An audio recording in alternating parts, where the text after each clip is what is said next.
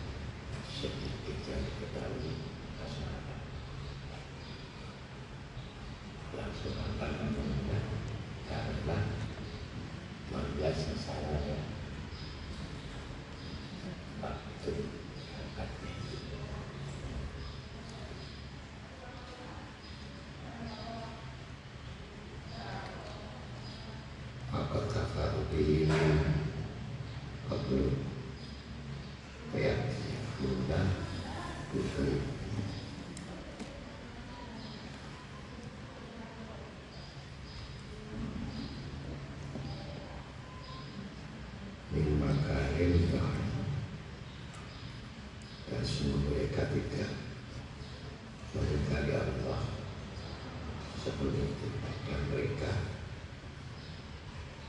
Iya, iya. Mendustakan Quran.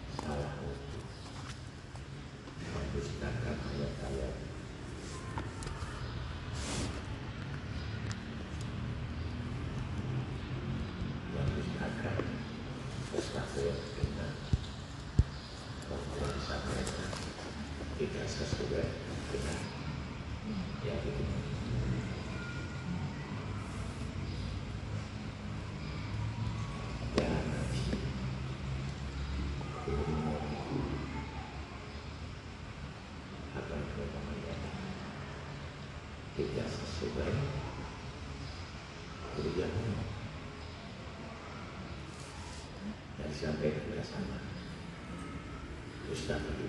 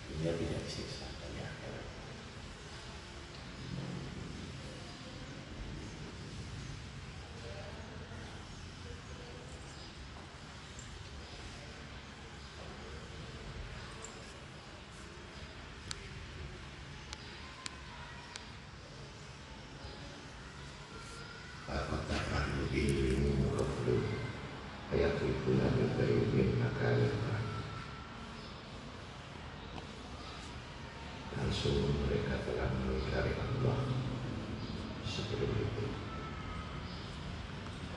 Dan mereka mendustakan hal-hal gaib dan tempat jauh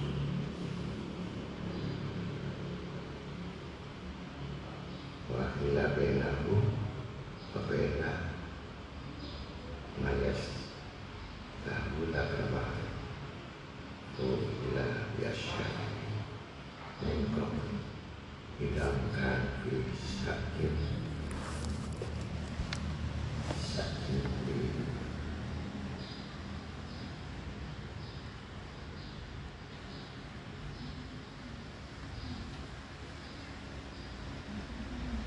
dan diberi penghalang antara mereka yang memakai mereka Indonesia sebagaimana yang dilakukan terhadap orang-orang yang sepakat dengan mereka yang benar dan mereka dulu hingga dalam keraguan yang mendalam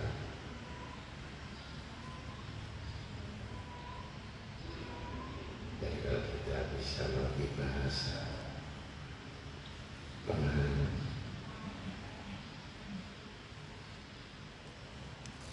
antara mereka dengan apa yang mereka inginkan.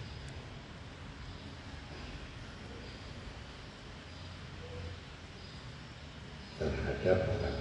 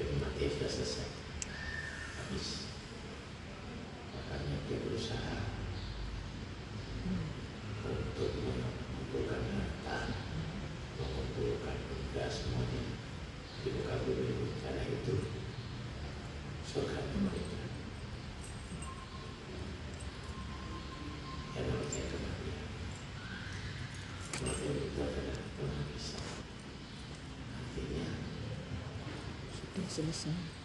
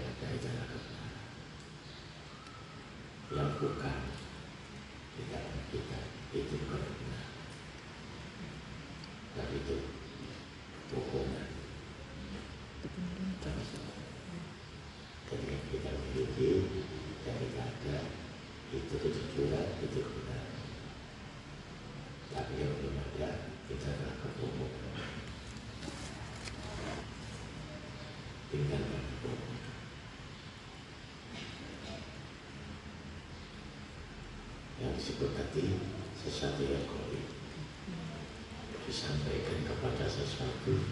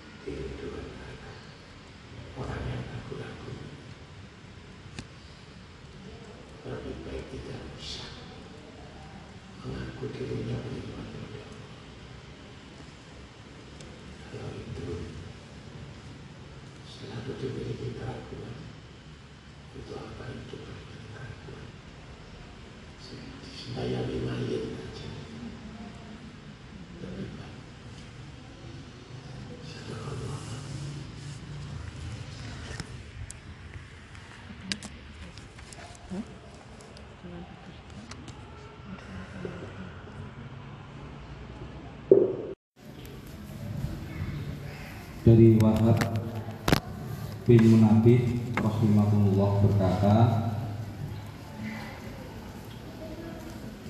bahwa ketika Nabi Musa alaihissalam bersabda kepada Raja Fir'aun Berimanlah kerajaanmu tetap milikmu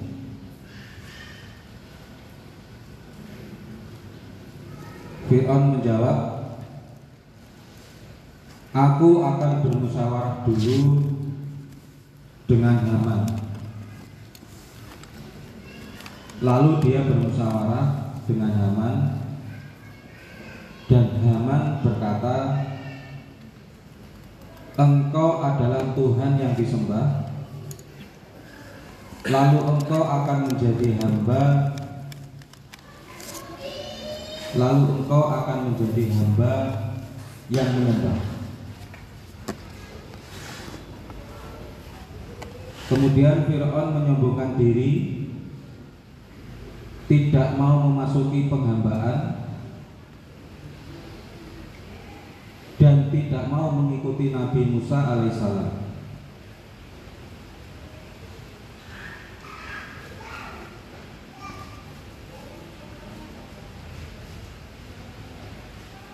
Di sini permasalahan yang dimaksudkan adalah bukan pada kesombongan Raja Fir'aun, tetapi pada saat Raja Fir'aun ingin minta waktu untuk bermusyawarah dengan Haman, justru yang menjadi akar permasalahannya adalah Haman mengatakan engkau adalah Tuhan yang disembah, lalu engkau akan menjadikan hamba penyembah.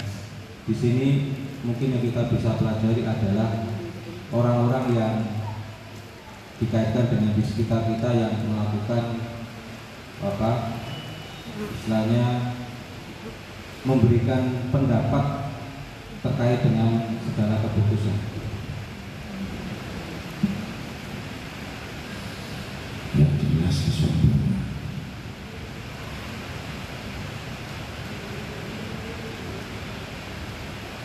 Orang kalau nggak punya kedudukan, itu pasti sombong. Orang yang punya kedudukan, biasanya akan hati. Tapi orang yang punya kedudukan, saya akan ada polisi, yang bisa memutuskan satu perkara yang berjalan kuasa.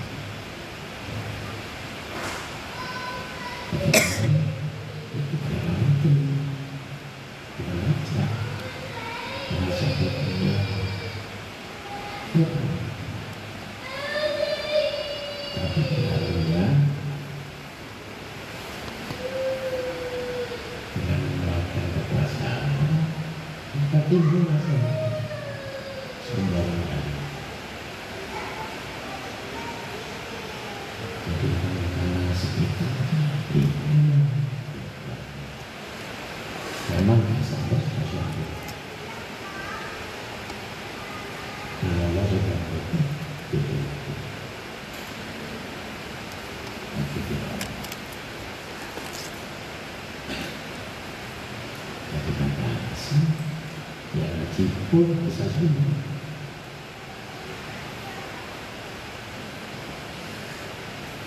Mau pikir ya ngaji tidak sembuh Bisa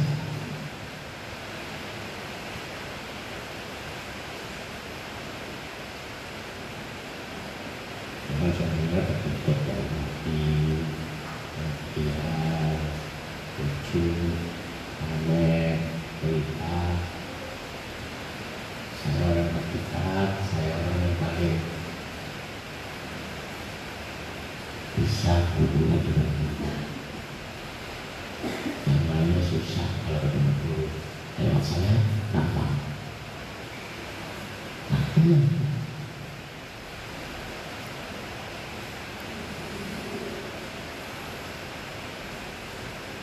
kami merasa dekat. Merasa dekat. Saya Enggak pernah. lupa kalau kamu ya kalau sombong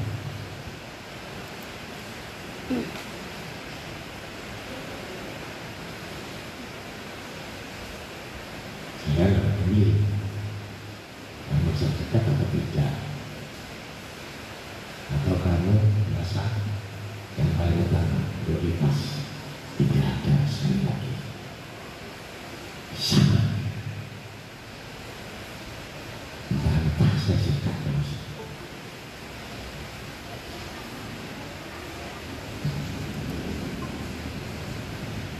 dan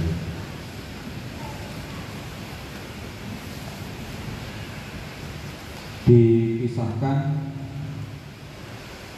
suatu ketika Malik bin Dinar berjalan di sebuah pasar di Basrah lalu ia mel- melihat ada itu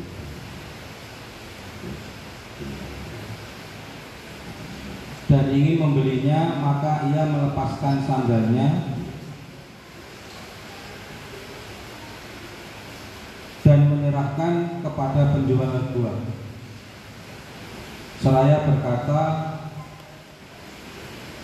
tukarlah sandal ini dengan buah tin itu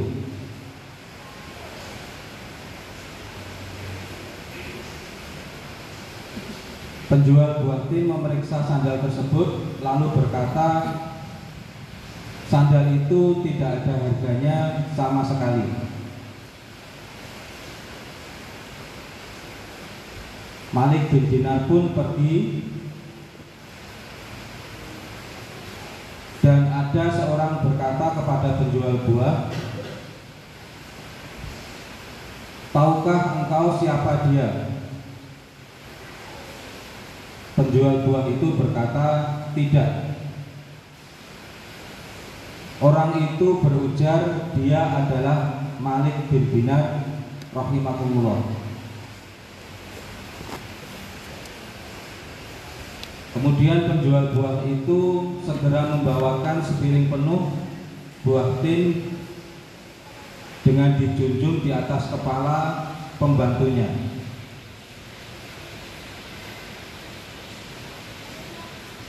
Pembantu penjual buah itu lalu berkata, "Terimalah ini dariku." Malik bin Dinar tidak mau menerimanya dan pembantu itu berkata, "Terimalah karena penerimaanmu bisa membuatku merdeka."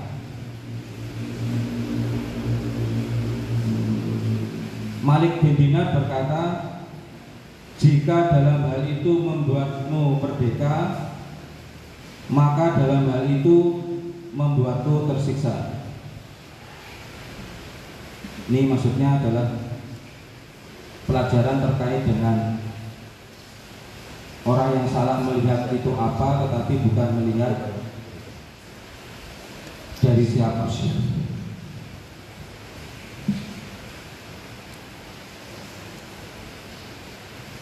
nggak usah dibungkus langsung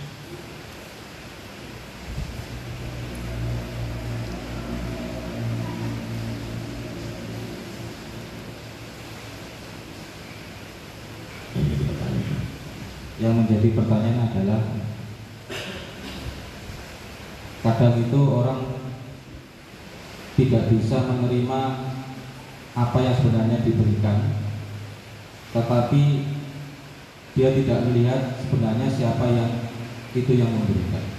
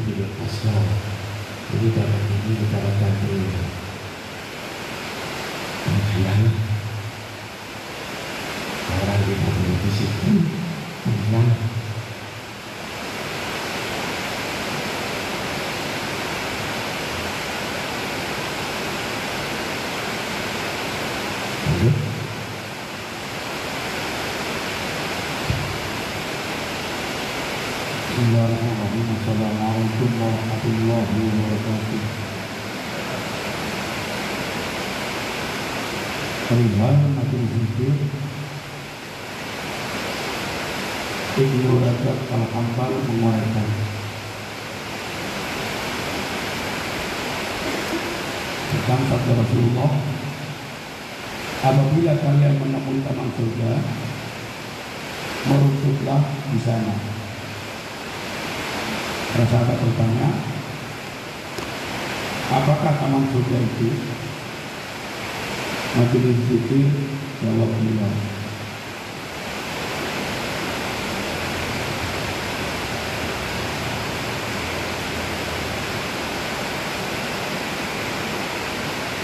Hadis yang diriwayatkan oleh Anas radhiyallahu anhu.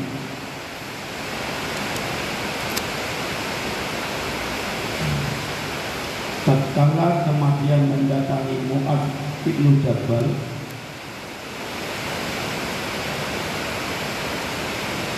dia justru berkata selamat datang kematian.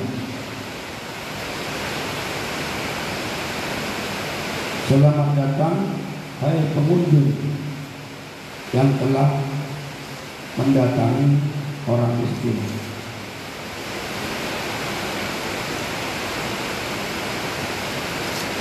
tidaklah beruntung orang yang menyesal.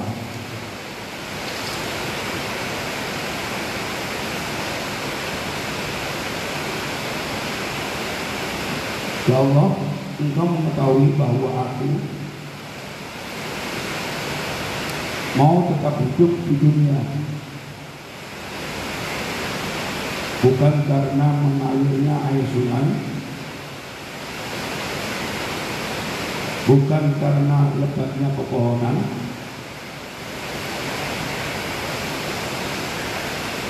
Aku hanya mau tetap hidup di dunia. Demi menghabiskan malam-malam yang panjang dalam beribadah merasakan dahaga di tengah panas yang terik dan berkumpul bersama para ulama di majelis zikir.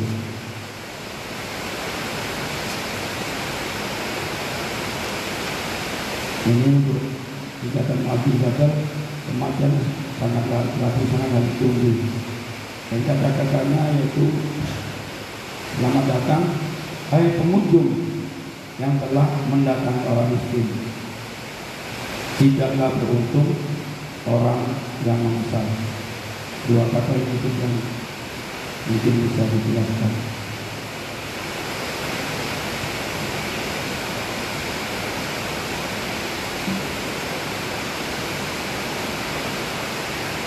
Majelis zikir adalah untuk surga. Seperti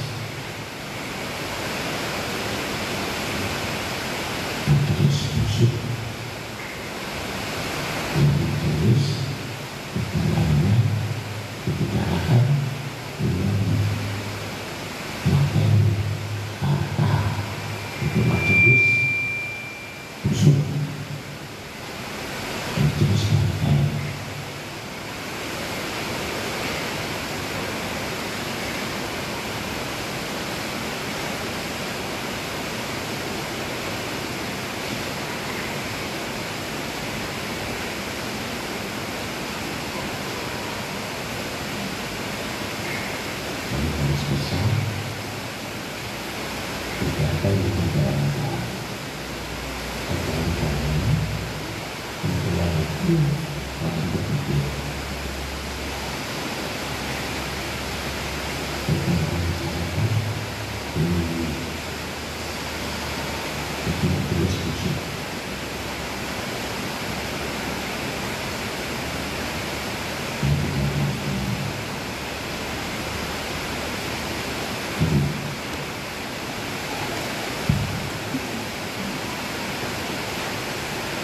Abu Sawar Al-Adawi berada di tengah-tengah orang yang sedang menuntut ilmu.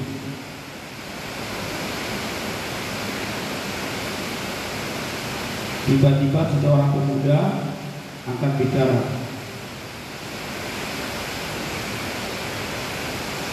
Ayo ucapkan Subhanallah dan Alhamdulillah. Dengan gerak Abu Sawar berkata, Celaka engkau. Memangnya kami sekarang sedang apa? Atau walau bukan berzikir. Ini itu. Kau seorang mengatakan Subhanallah dan Alhamdulillah, maka Abu bergerak berkata, Celaka engkau.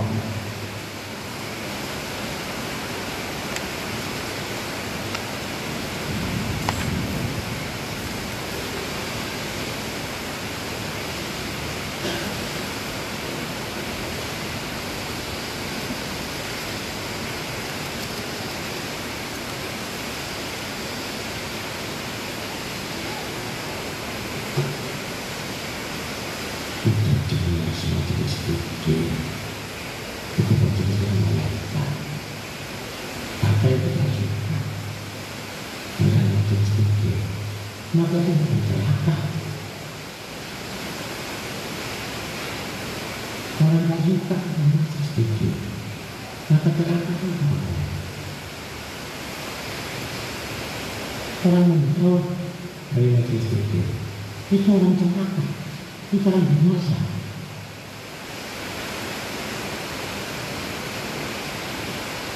yang Berarti keluar dari kebun surga.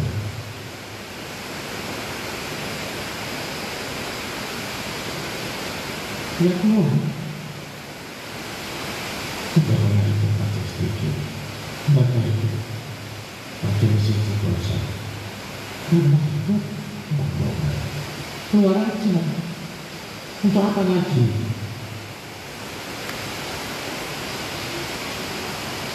percuma bisa masuk surga.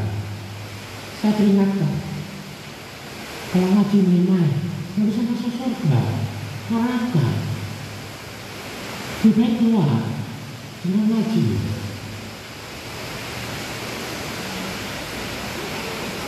Saya nggak butuh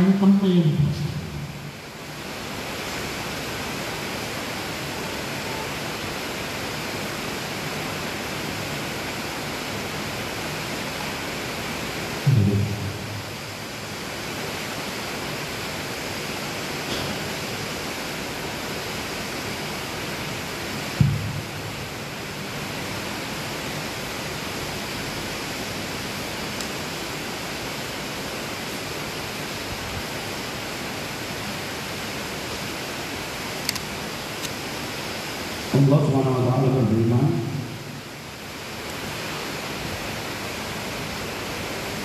Sesungguhnya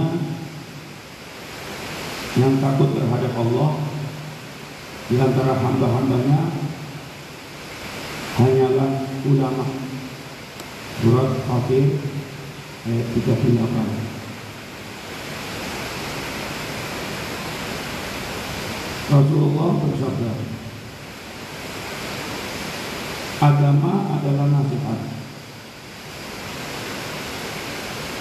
Ketahuilah bahwa orang yang menafkahi hatimu Ketahuilah bahwa orang yang menafkahi hatimu Berarti dia sayang kepadamu.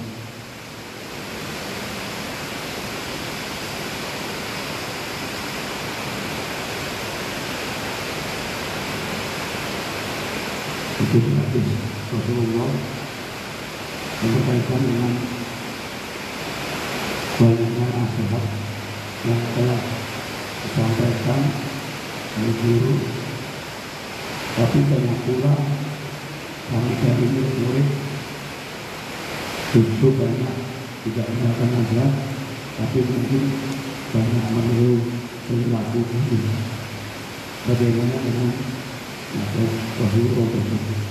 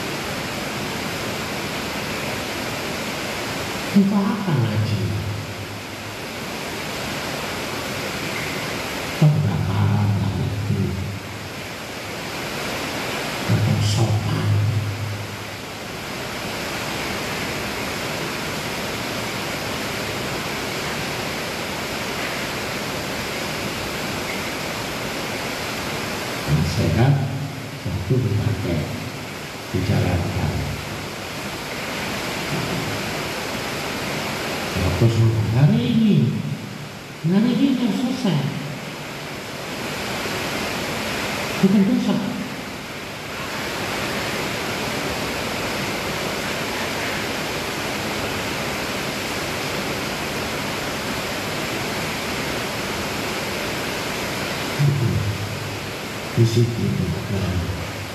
Kalau kamu nggak nih disiplin, jatuhkan ke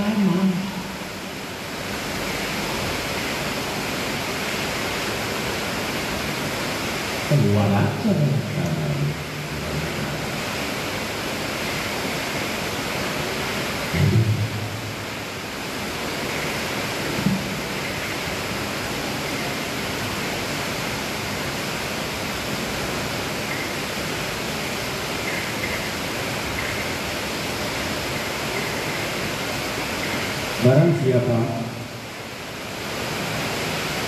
membiarkanmu berarti dia telah menipumu.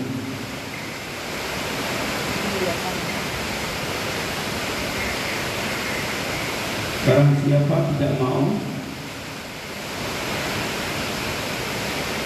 menerima nasihatmu berarti dia bukan saudaramu.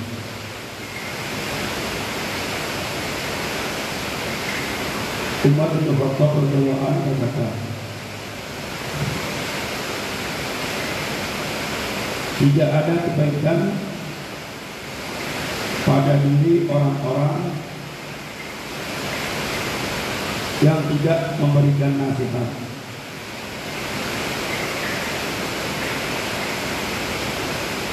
Dan tidak ada kebaikan pada diri orang-orang yang tidak tidak menyukai para pemberi nasihat.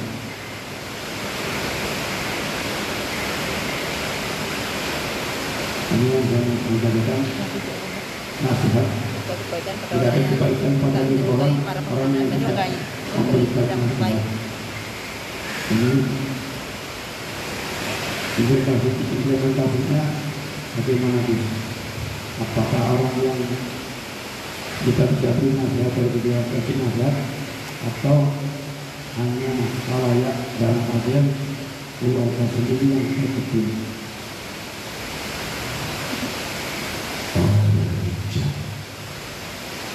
tidak sembarangan menasihat.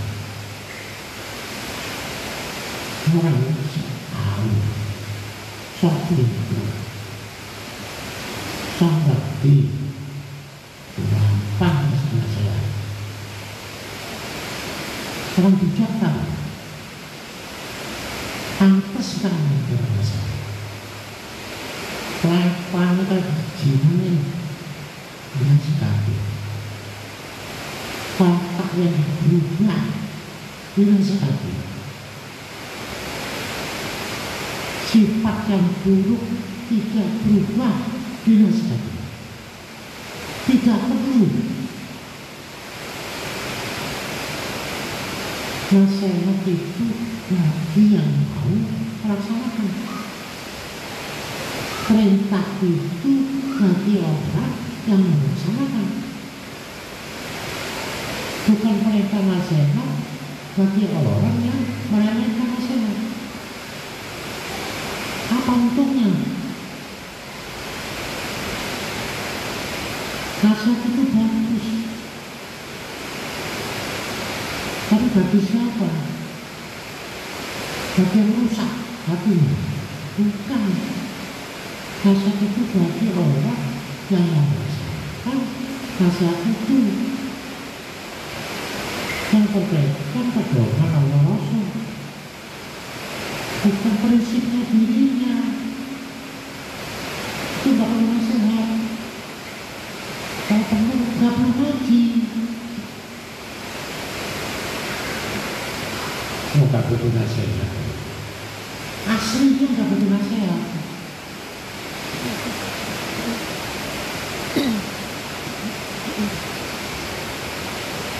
lanjut ini gampang-gampang di nasihat gitu.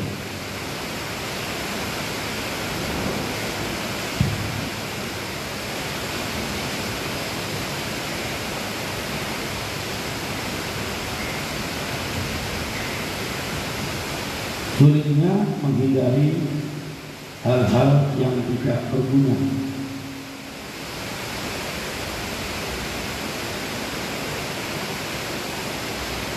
Bapak Ibnu Yazid Allah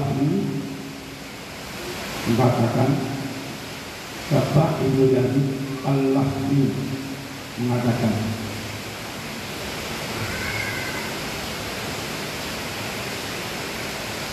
Aku melatih jiwaku untuk tidak berbuat dosa sedikit demi sedikit.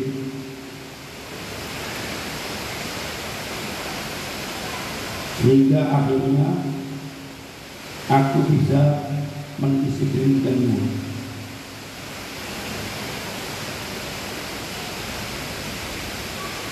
Aku pun melatih lidahku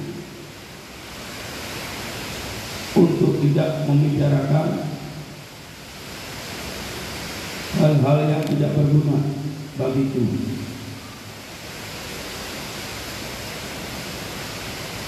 Setelah 15 tahun barulah aku mendisiplinkannya.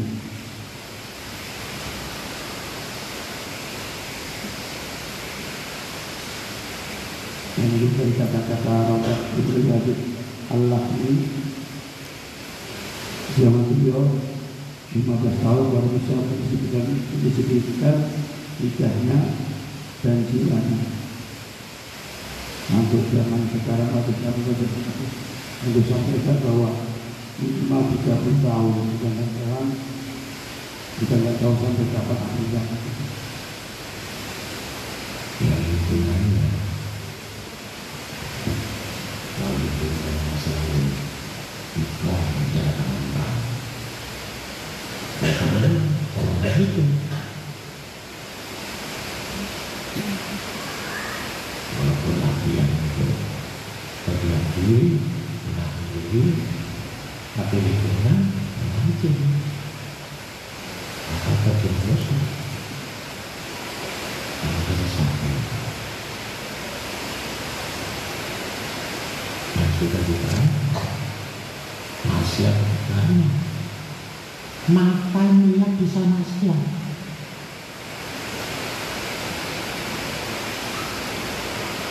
bukan hanya mulut telinga pun maksiat kaki bisa maksiat tangan maksiat kalau orang nggak ngerti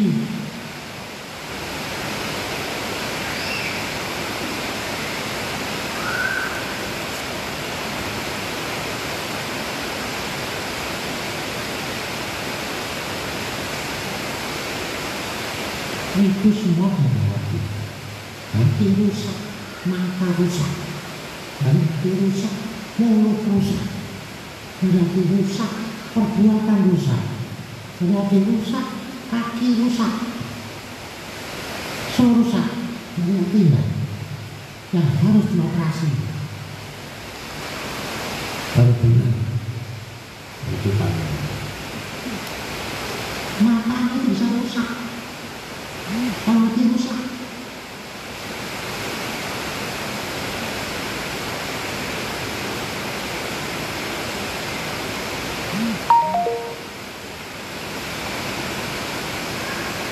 jadi kalau yang itu kalau yang ngaji itu matanya nggak rusak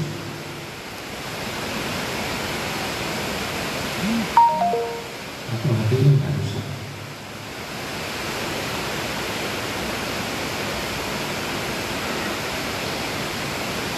Aduh,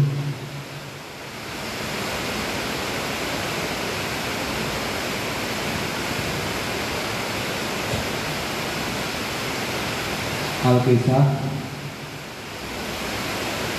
Hamid Al-Latoh hendak pergi melaksanakan sholat Jumat.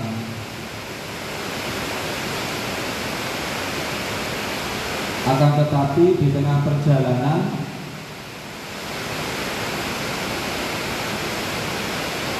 kelebihan tunggangannya hilang dan bukan hanya itu. Tepung yang berada di tempat penggilingannya juga hilang.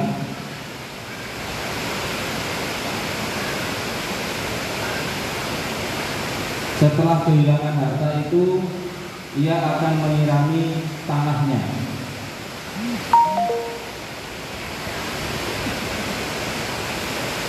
Dalam hati ia berkata apabila aku pergi menunaikan sholat Jumat jelas pekerjaan-pekerjaan ini telah menungguku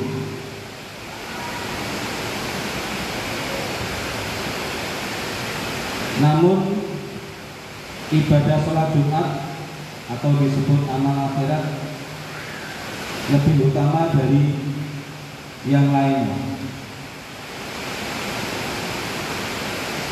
Singkat cerita, eh, ketika kembali dari sholat Jumat, semua sudah tertata kembali. Keledainya ketemu, tepung di penggilingannya ketemu, terus kemudian eh, untuk menyirami tanaman juga sudah disirami. Ini yang saya tanyakan terlepas dari kehendak Allah Subhanahu wa taala terkait dengan keyakinan dari Hamid Al-Latof rahimahullah.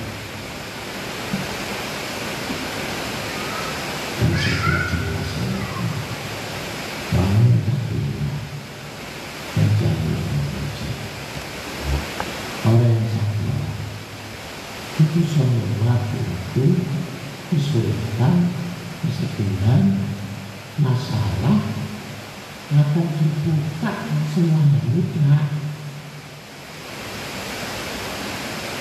berbicara itu dan percaya janji Allah yang gak masalah. Jadi gimana apa? Anda pernah percaya dengan janji Allah? Gak percaya dengan apa yang dijanjikan. Mereka selalu berputar-putar dengan keyakinan. Apa yang dimaksud yakin? Duit, nasi, baju, mobil, itu yakin.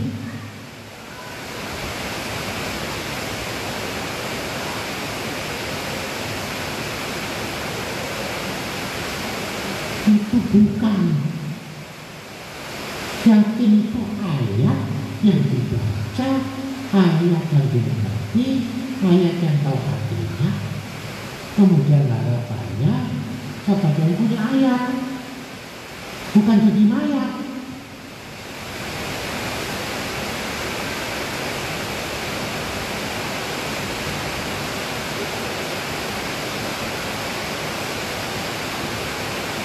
Ya kalau sudah tahu apa, ya dicukupi.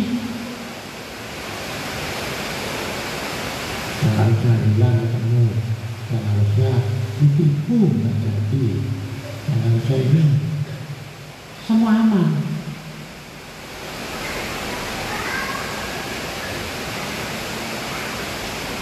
Hidup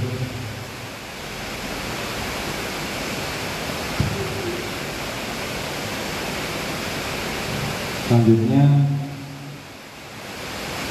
Al-Fudail bin rahimahumullah berkata Allah taala berfirman di dalam hadis qudsi.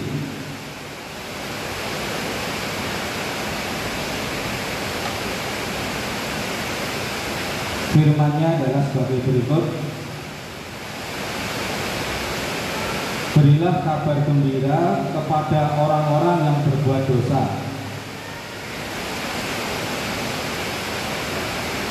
Bahwa sesungguhnya ia Jika bertobat Maka aku menerima mereka. Berilah peringatan kepada orang-orang yang berbuat baik.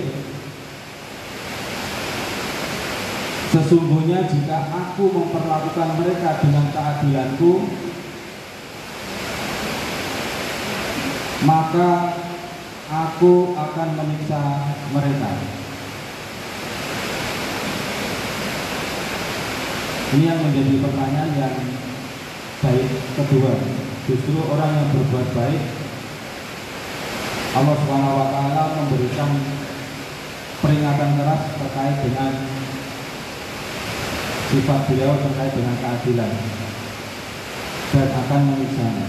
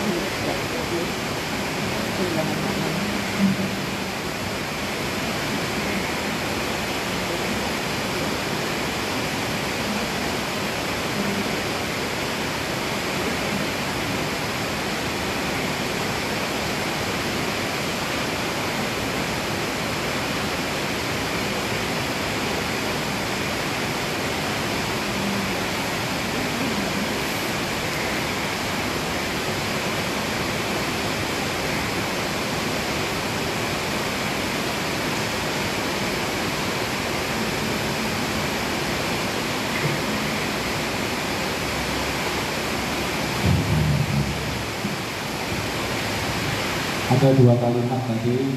Yang pertama mungkin bisa sudah bisa dipahami dalam arti peringatan ditujukan kepada orang yang bertobat dan peringatan kepada yang berbuat baik. Justru yang saya tanyakan yang kedua, yang berbuat baik ini juga akan diberikan peringatan ketika sifat Allah yang Maha Adil itu turun dengan cara memberikan siksa kepada orang-orang yang berbuat baik tadi. bukan berbuat benar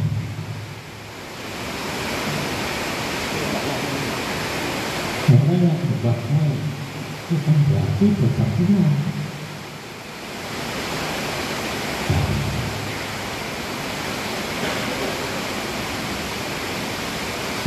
kamu Tuhan itu berbuat baik apa tidak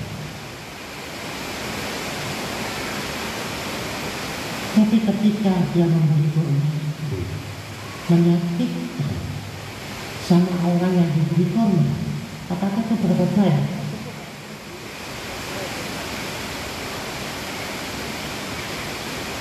Kalau benar, itu Kalau berbuat baik itu nafsumu. Jangan berbuat baik, berbuat benar. pasti nggak salah. Berbuat baik pasti salah. Ngaji, gak ngaji, ngaji, gak ngaji. Itu orang baik atau tidak?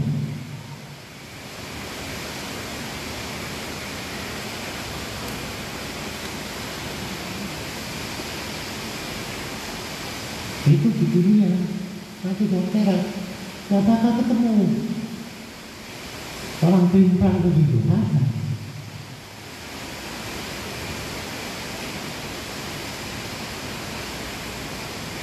gangguan orang yang nomor satu tadi.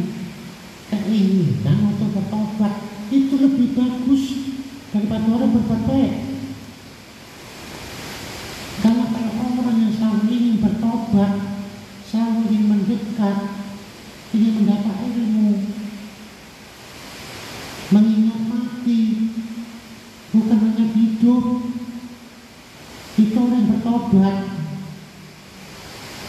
berbuat baik. Pikirannya cuma pahala tapi nggak takut dengan dosa. Nggak takut dengan mati. Milih milih cinta tobat atau berbuat baik saya sarankan cinta tobat bukan cinta kebaikan. Kebaikan bisa rusak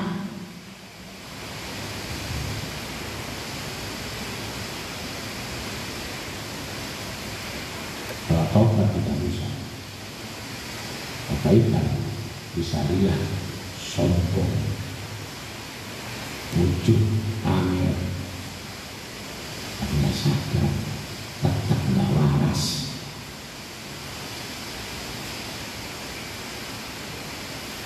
Lanjut.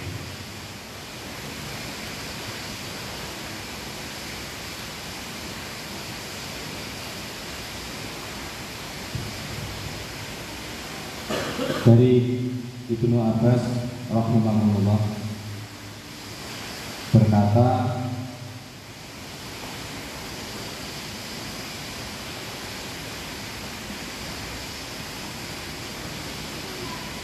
berpikir kebaikan itu mengajak kita untuk mengamalkannya.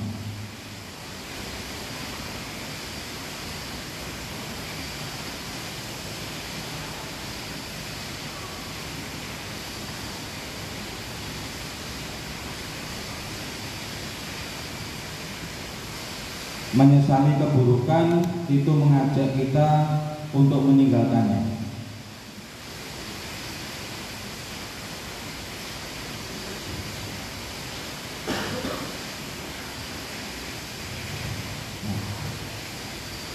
permasalahannya begini dulu. Jadi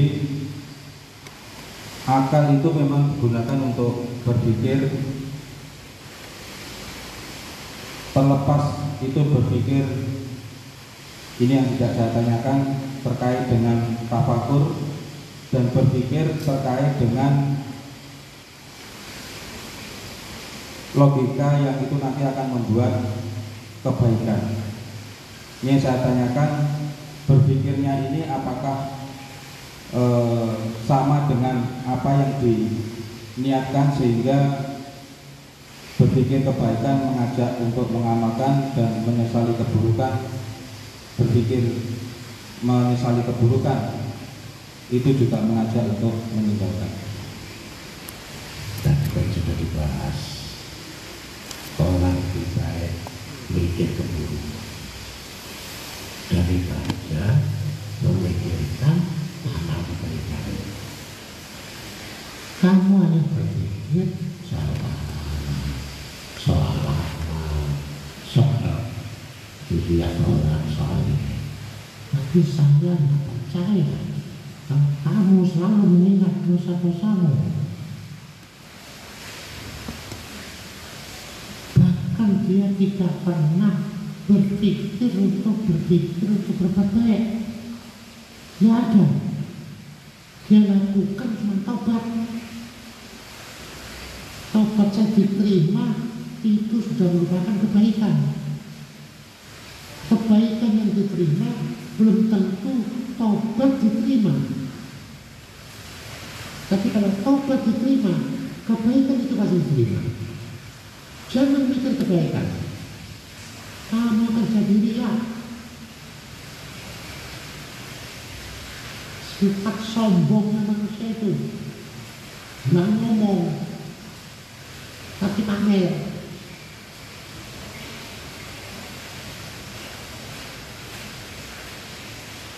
Nah, juga tapi kalau kamu selalu mengaku diri berdosa selalu berharap minta ampun pada Allah kebaikan itu akan mengalir sendiri. Sedekah untuk tobat beri makan untuk tobat memberi amal untuk tobat bukan minta pahala.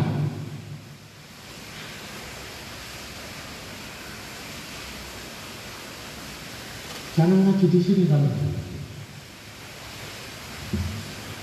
saya ngajar itu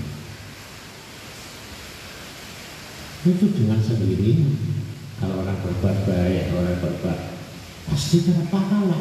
Nggak usah dibahas. Yang kita bahas tobatmu itu diterima apa tidak? Sholatmu diterima apa tidak? Ngajimu diterima apa tidak? Kalau nggak takut-takut sama Allah gimana ini? Ngaji apa ini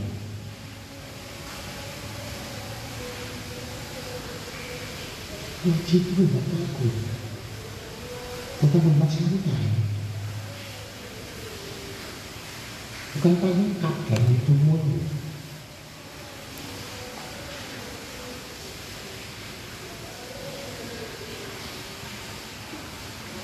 lanjut. Kata nasihat saya. Tobat jadikan prinsip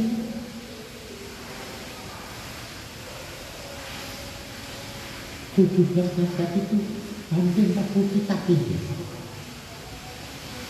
Gak usah macam-macam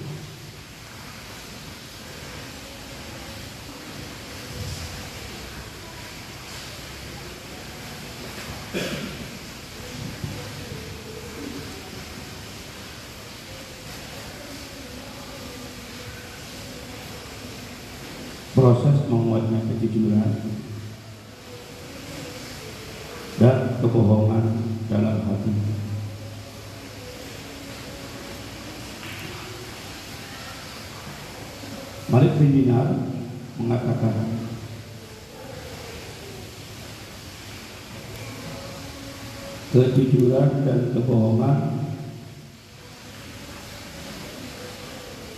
berkelahi di dalam hati sehingga salah satu mengusir yang lainnya.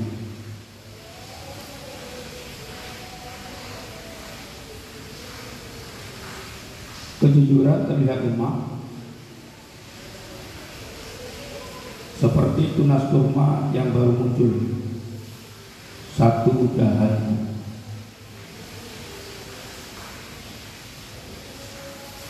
seandainya bocah kecil menariknya niscaya akarnya tercabut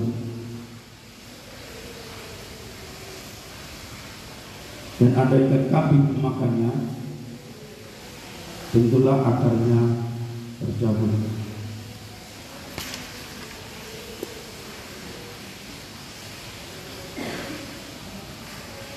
Itulah kejujuran yang terlihat lemah di dalam hati seseorang. Sehingga dia merasa kehilangan dan mencari carinya.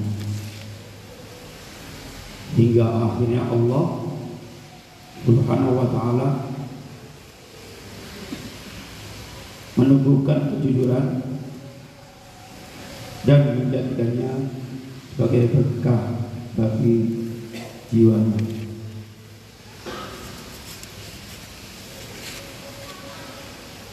Dan ucapannya pun menjadi obat bagi orang-orang yang berdosa. Yang kejujuran sangatlah terlihat lemah di dalam hati seseorang yang hanya seperti tunas kurma yang baru muncul bagaimana seseorang tersebut untuk menemukan kejujuran sehingga Allah yang memberikan kejujuran tersebut? Yang tahu dusta sama jujur siapa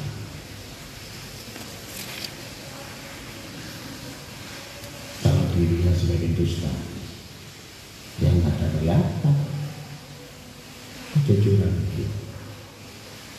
wajahnya aja kelihatan banyak orang jujur belum bicara. Wajah pendusta wajah pembohong.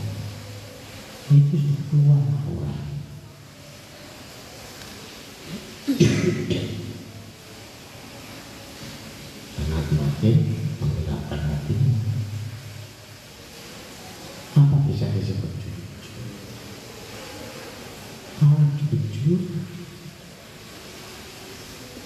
bicaranya lantang bebas. Mantap. Tanpa keraguan tidak ada tendensi. Tidak ada motivasi. Tidak ada keinginan. Semata-mata karena Allah beres urusannya karena manusia bisa bohong karena orang bisa bohong karena pujian bisa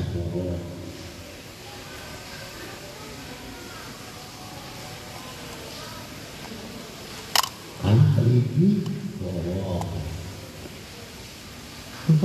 Untuk utang gitu tuh.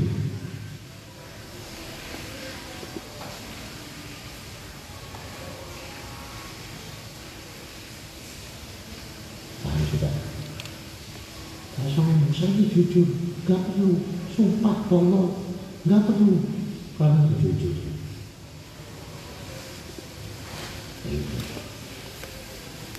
Dasar penipu ya seperti itu. Kalau nggak bohong kan.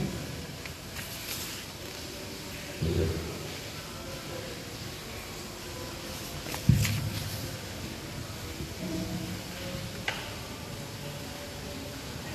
Ibnu Abidah radhiallahu anhu berkata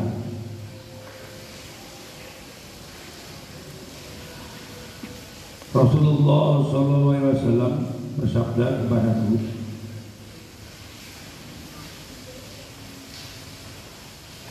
Ziarahilah kubur. Niscaya dengannya Engkau mengingat akhirat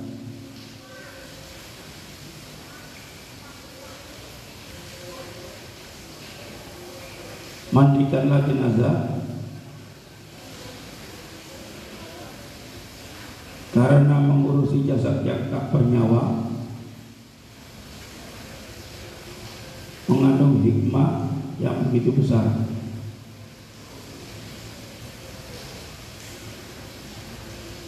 Salatilah jenazah Semoga engkau dibuat sedih Karena orang yang bersedih Berada dalam naungan Allah di hari kiamat. Sabda Rasulullah mungkin yang dia kubur sudah pernah sudah sering disampaikan oleh guru bahwa untuk mengingat akan kematian dan akhirat yang jadi pertanyaan mandikanlah jenazah. Karena mengurus jasad yang tak bernyawa mengandung hikmah yang besar. Dan salatilah jenazah semoga engkau dibuat sedih? Karena orang yang bersedih berada dalam naungan Allah di hari kiamat. Tujuannya hanya menghinakan kamu bakal mati seperti yang kamu lihat orang mati Cukup. Gak banyak tanya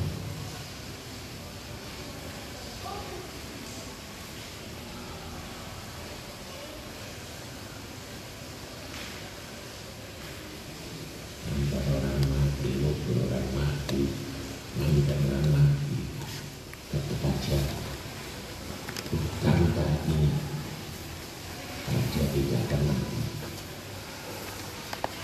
Tapi kalau yang ngubur orang mati Rasanya ini mati Atau mengingat mati Belum tentu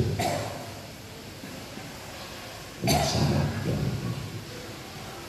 Dan kalau sudah tutup mata dia Tutup lima menit nggak akan ingat kalau dia akan kata mati juga nggak gampang walaupun kamu tiap hari ya kuburan belum tentu kamu yang mati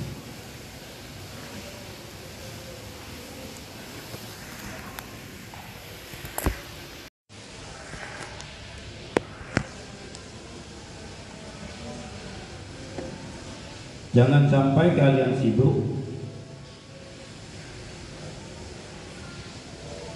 mengurusi dunia karena dunia itu banyak sekali kesibukannya.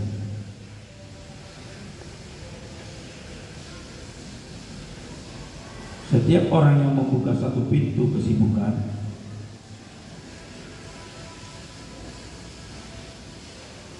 pastilah pintu tersebut akan terbuka menjadi sepuluh pintu.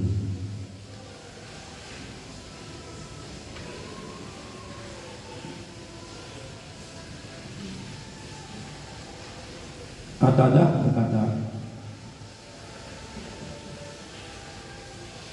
semakin banyak suatu kaum memiliki kenikmatan, semakin banyak pula musuh mereka. Ini perkataan dua kapiten mungkin kami sudah diberi penjelasan. mana ada yang sibuk itu bisa kusuk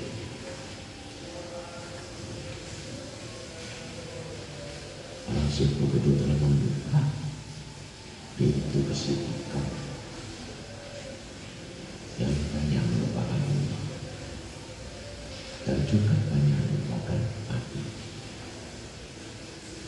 maka tempat kelalaian adalah tempat di mana nikmat-nikmat itu ada. Itu tempat berada. Hukuman bagi orang di dunia. Maka semakin dibutakan hatinya terhadap akhirat, semakin dijauhkan dari amalan sholat, semakin didekatkan dengan sifat-sifat serakah terhadap dunia. Maka binasalah mereka dalam akhirat. Jadi amalnya tidak ada kebaikan sama sekali.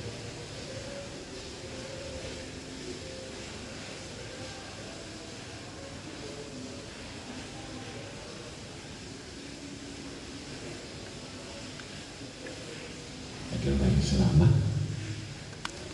Dia selalu mengetahui bahwa kehidupan ini hanya sarana untuk membeli akhirat. Bukan adalah untuk beli dunia. Kalau kamu nanti untuk beli dunia, ya siap saja termasuk neraka.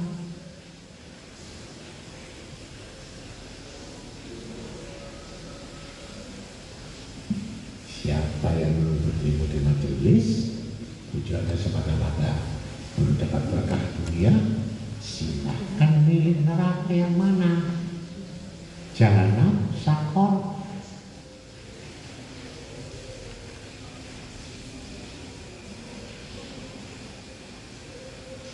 Tidak tahu guna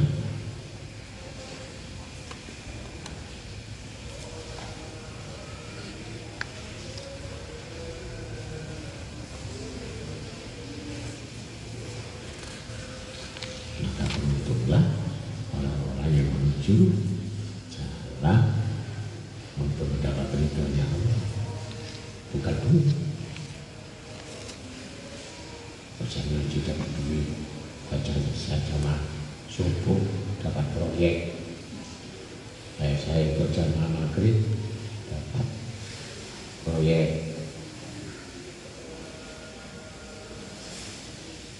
apa itu itu pencuri dan makanan.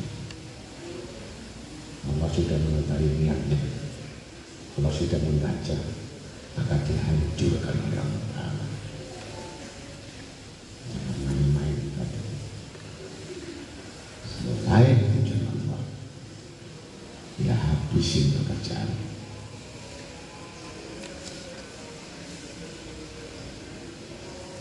Tidak ada sisa. Lanjut.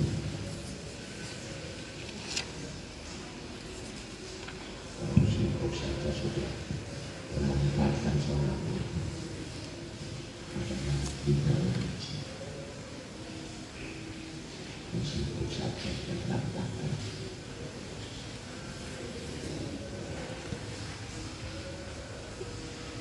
Yahya ibnu Khalid.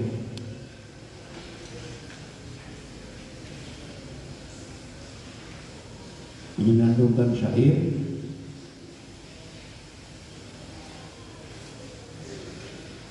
Banyak orang hidup dalam nikmat berlimpah.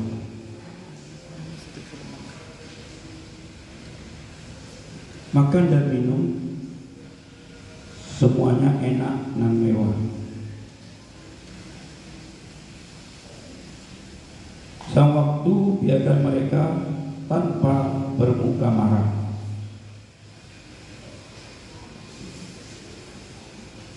Tiba-tiba ia buat mereka banjir air mata darah.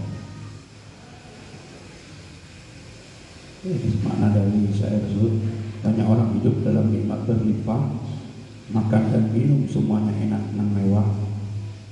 Sang waktu biarkan mereka tanpa bermuka marah. Tiba-tiba ia buat mereka banjir air mata darah. Tidak ada prihatin.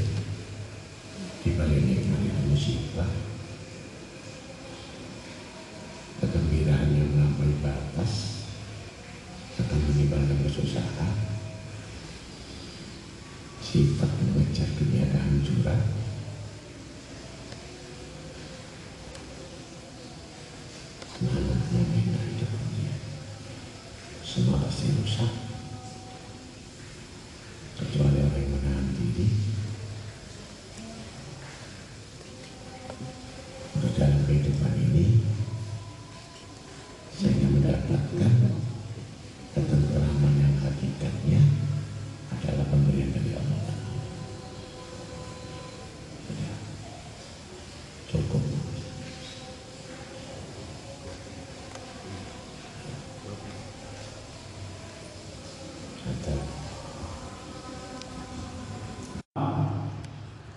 ditanya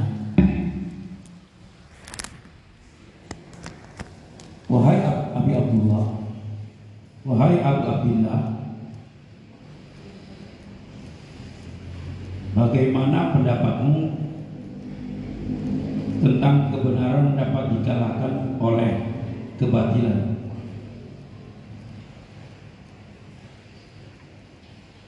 Imam Ahmad tidak akan pernah menangah kebatilan terhadap kebenaran adalah ketika hati beralih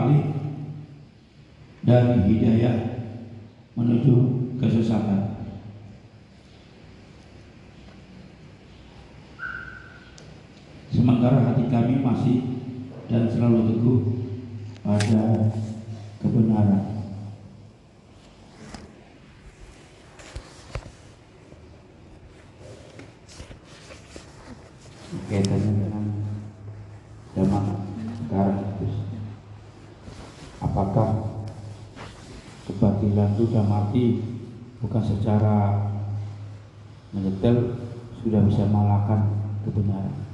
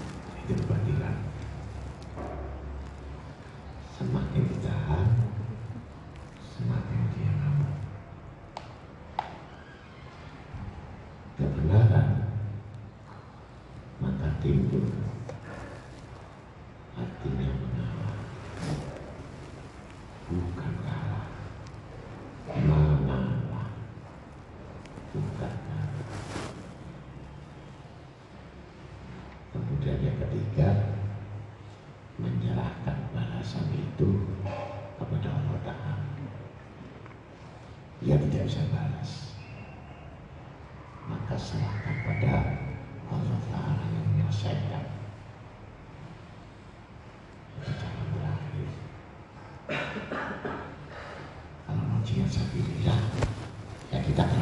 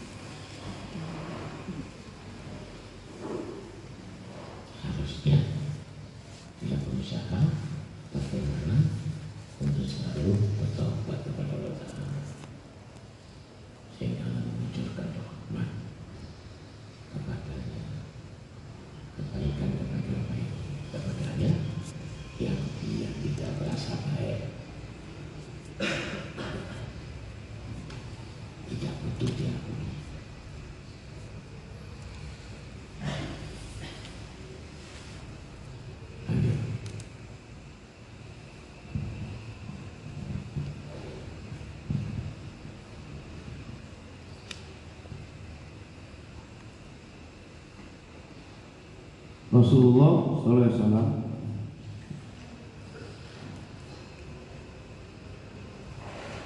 tidak menyuruh setiap orang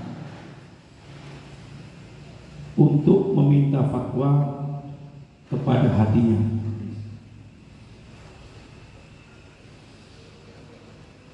Beliau hanya menyuruh wa bisoh, wa bisoh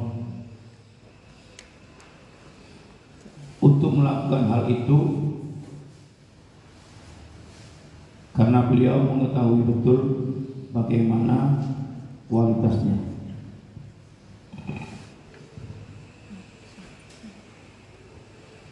Al-Munawi berkata,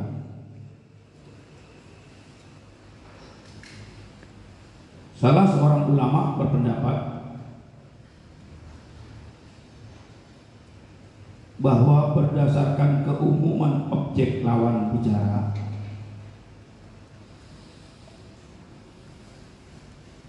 dalam hadis tersebut sabda Nabi Muhammad SAW ditujukan kepada orang yang hatinya dilapangkan oleh Allah Subhanahu wa taala. Dengan cahaya keyakinan. Yang lantas orang lain memberi fatwa kepadanya.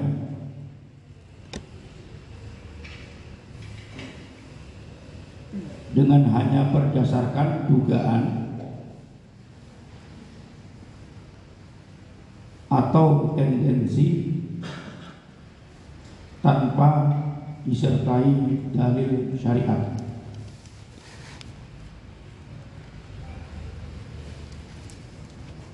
Jika tidak demikian,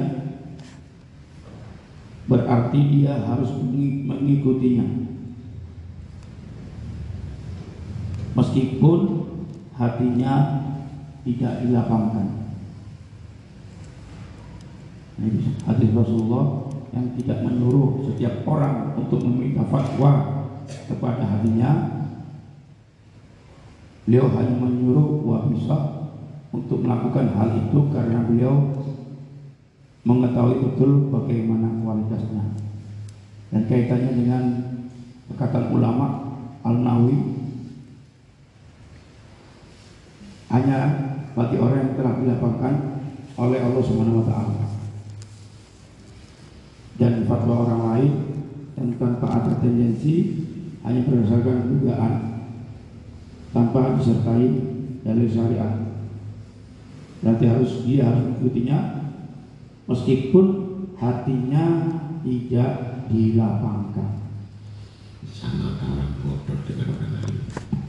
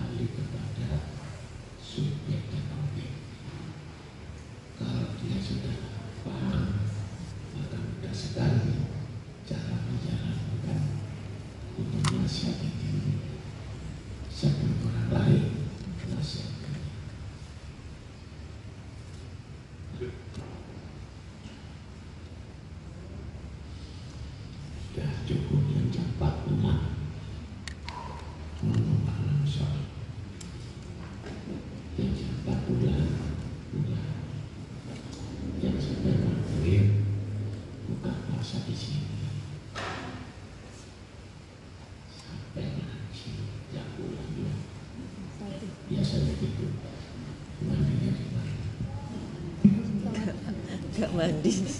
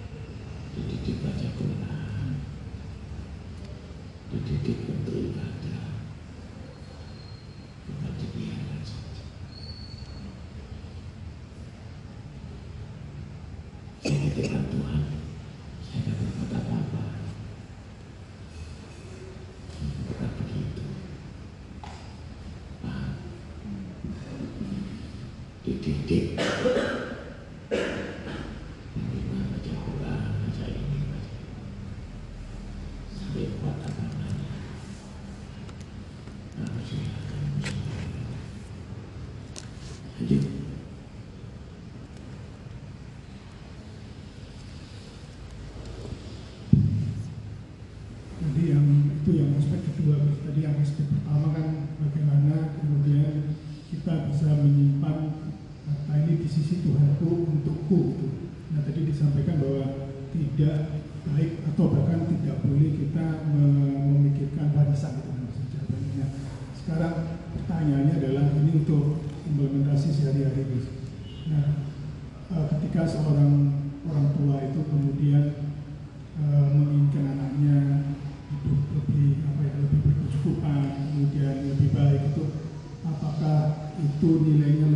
rendah dibandingkan kalau kita membelanjakan harga kita harta kita untuk kepentingan eh, di, di, di jalan Allah gitu. jadi apakah kita me- membuat anak kita lebih baik dari sisi duniawi itu nilainya lebih rendah dibandingkan kita membelanjakan harga kita Level.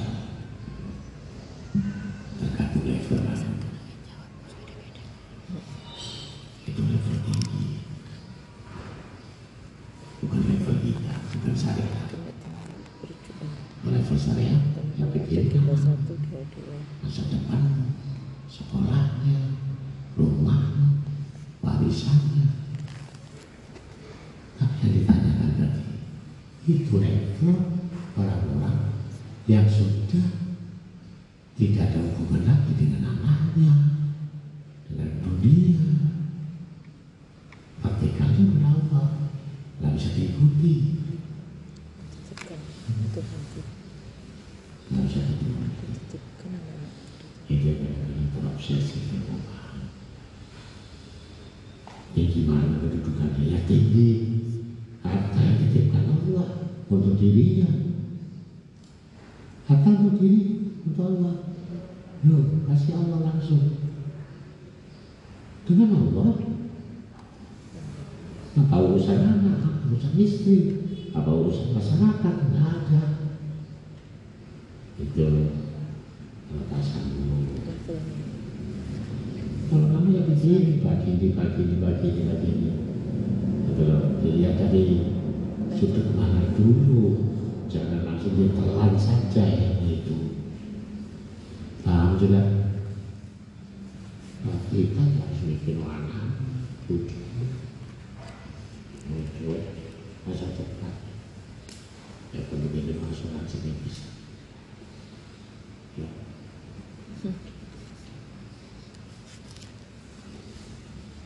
Lanjut. Terus tadi satu lagi terkait dengan cerita eh, di rumah Rabia al Adawiyah. Jadi ada seorang pencuri masuk, kemudian dia dia nggak bisa keluar rumah. Ya, ini tuh. Eh, itu kan maknanya adalah amal soleh tadi. Eh, terus tadi mengatakan kuncinya adalah amal soleh yang dimiliki oleh pemilik rumah. Dalam ini dalam hal ini adalah Rabia al Adawiyah. Nah ini teringat dengan kejadian kebakaran di beberapa waktu yang lalu khususnya kebakaran kios itu eh, dalam satu pasar eh, ternyata ada satu kios terbakar sama sekali. Nah ini eh, sepertinya ada kemiripannya, ada analoginya. Ternyata si pemilik kios itu dia seseorang yang sangat gemar sekali mensedekahkan hartanya, mau apa berbagi kepada anak yatim dan sebagainya.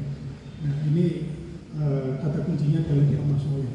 Nah, mungkin bisa ingin tahu lebih dalam makna dari amal soleh ini apakah bisa juga kita lakukan tanpa kita mengeluarkan harta atau memang lebih lebih lebih lebih berat kepada misalkan me- me- memberikan sedekah atau sesuatu yang sifatnya kita memberikan harta milik kita seperti merupakan amal soleh.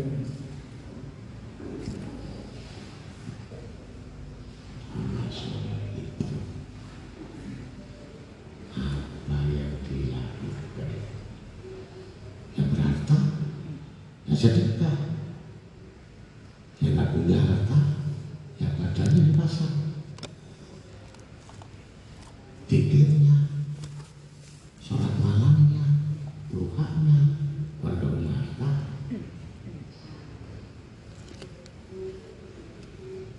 atau yang berharta cukup saya sedekah saya nggak perlu doa saya nggak tahajud apa amal soleh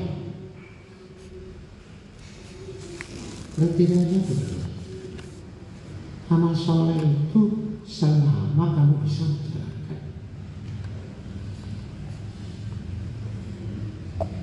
Bukan hanya terbatas kamu punya harta atau kamu tidak punya harta. Apa yang bisa dilakukan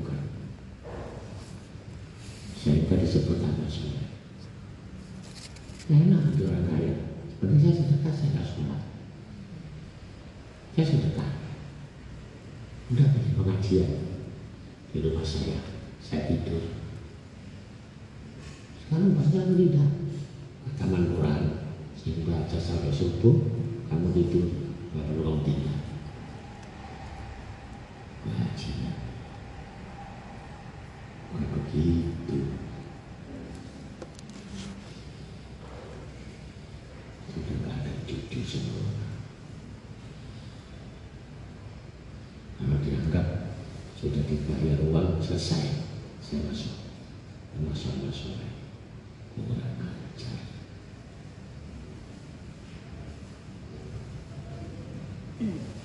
paham sudah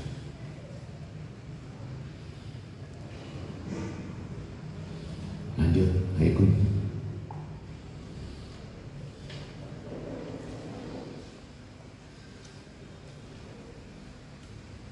Duitnya, tenaganya, pikirannya, idenya.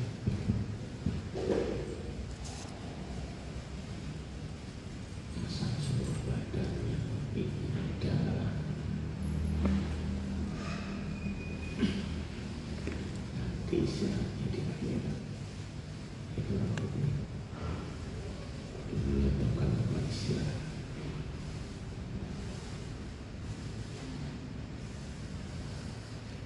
Tempat berjuang. Tempat untuk beramal.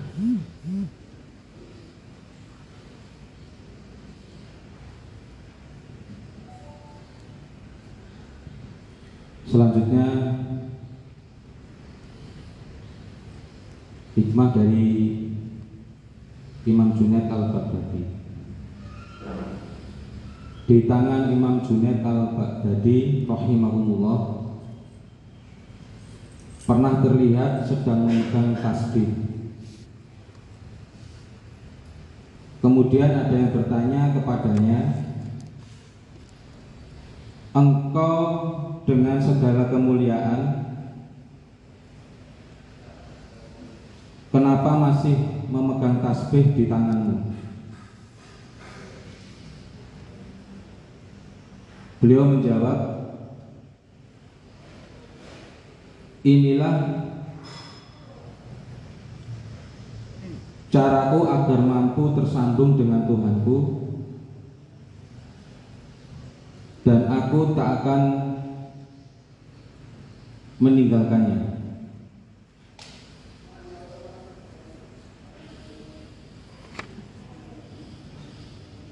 Ya. Jadi ini hikmahnya orang tersambung eh, Salah satu caranya adalah memegang tasbih Ini kan banyak cara mohon disampaikan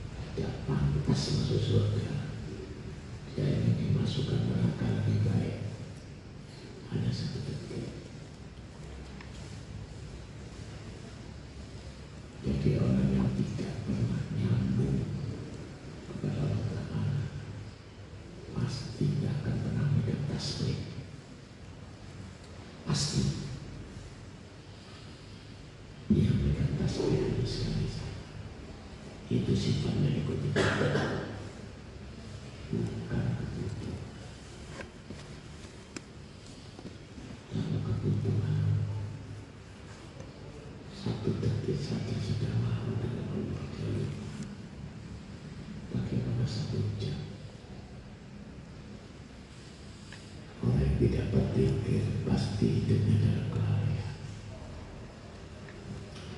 dan kelalaian itu adalah tempat kesalahan disengaja atau tidak sengaja pasti akan nyusup iblis itu untuk menyesatkan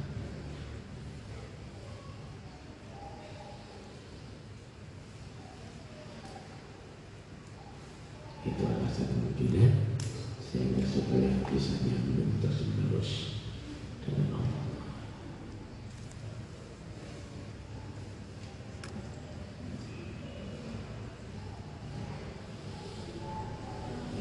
Kamu ada di tadi kan Jumat. Itu tadi kan jadi. Jumat apa tadi?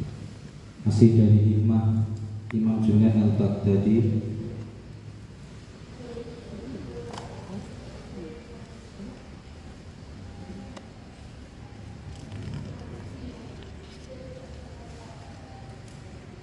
Jiwa-jiwa yang dipersembahkan untuk menjalankan hak-hak Allah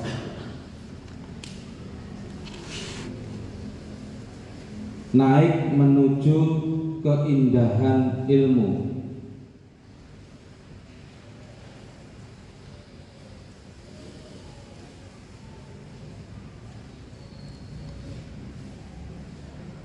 Yang tersimpan rapi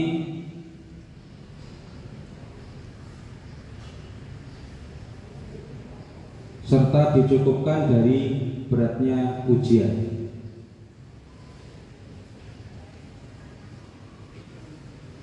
keindahan adalah menyendiri bersama Allah Subhanahu wa taala perkataannya berpikir semboyannya adalah zikir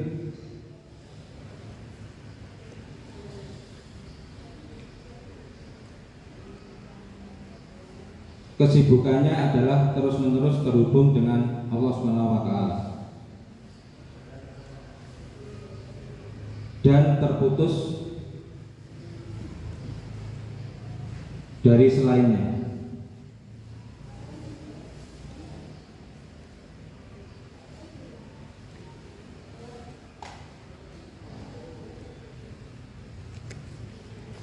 Dari paragraf ini disebutkan eh, bahwa keindahan ilmu yang dimaksudkan menurut Imam Junaid adalah seperti itu tetapi juga berat ujiannya. Jadi timbangan ujian terkait dengan keindahan ilmu yang disebutkan oleh Imam Junaid. Setiap orang ujian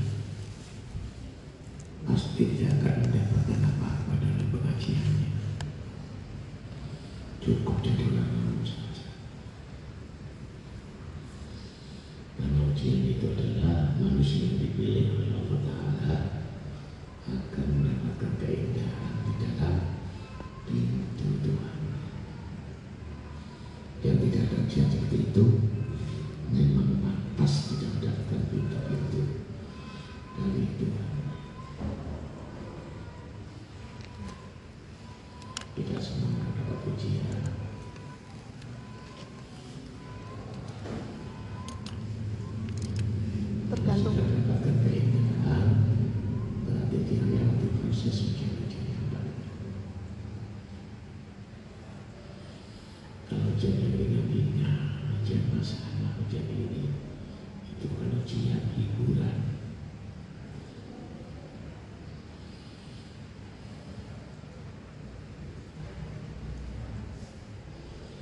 Lanjut.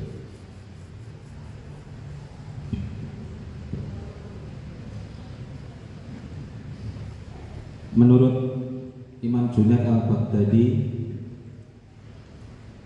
Perilaku orang yang soleh itu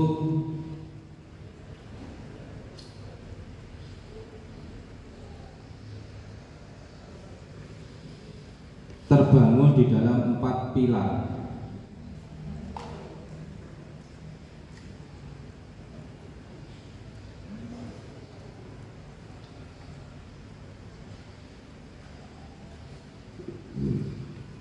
Pertama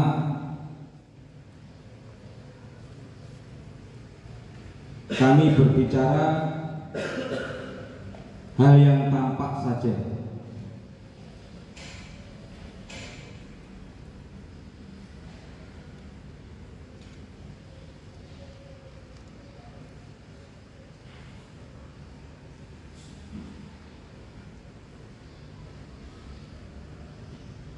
Kami makan saat lapar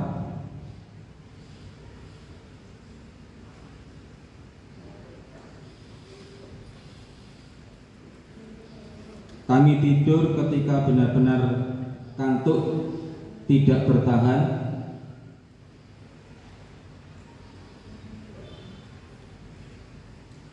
Yang keempat, kami diam saat takut kepada Allah Subhanahu wa taala.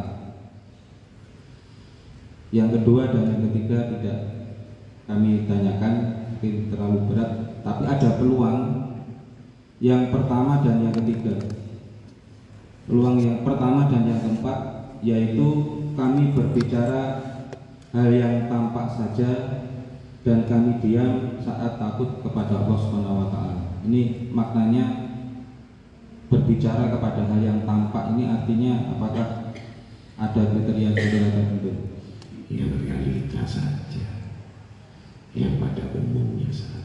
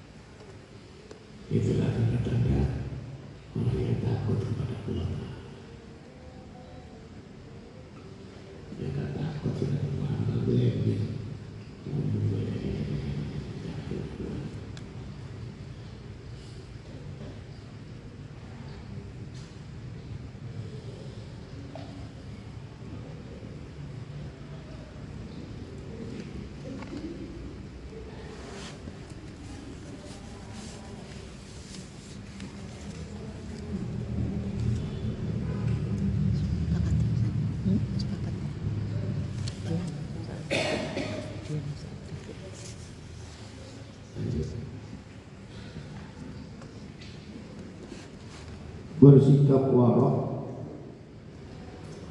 itu susah sekaligus mudah.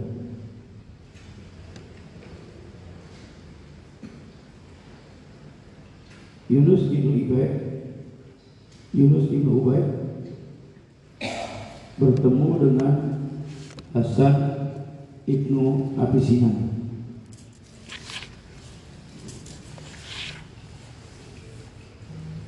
Yunus berkata, tidak ada perbuatan yang lebih berat bagiku daripada bersikap warok.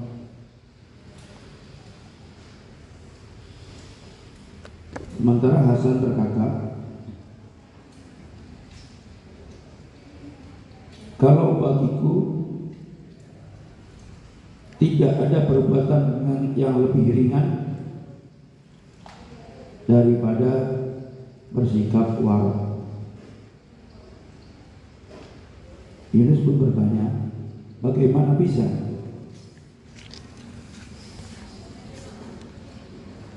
Hasan menjawab, aku cukup meninggalkan hal yang membuatku ragu.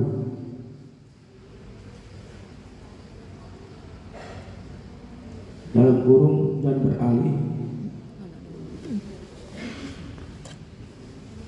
kepada hal yang tidak membuatku ragu. Selanjutnya aku tinggal bersantai.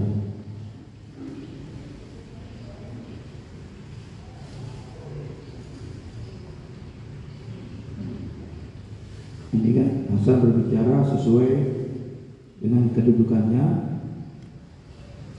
yang mana bagi sebagian orang besar orang meninggalkan hal dan urut hal yang meragukan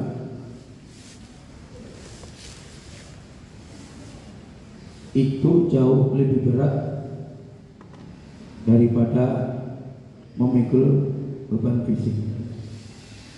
Nah ini bagi Hasan Wara itu perbuatan yang lebih ringan dari Sedangkan Yunus berkata Warok adalah perbuatan yang lebih berat. Ini untuk mensikapi dua pendapat itu Yang mana Hasan adalah berbicara sesuai dengan kedudukannya. Sedikit bergaul maka mudah dua. Semakin banyak bergaul Semakin terjerumus kepada salah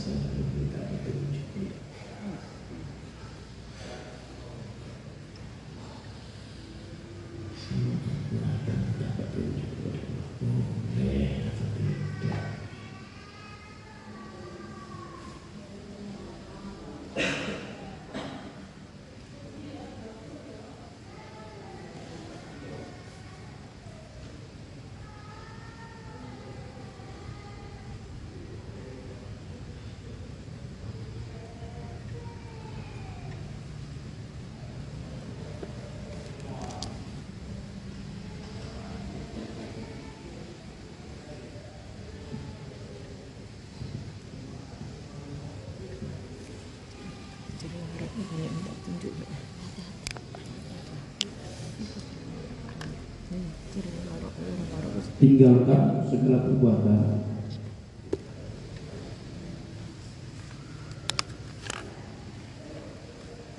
Yang pada akhirnya memaksamu beralasan.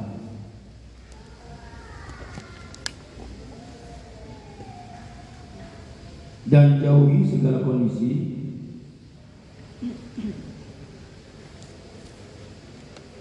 Yang membuatmu memaksakan diri.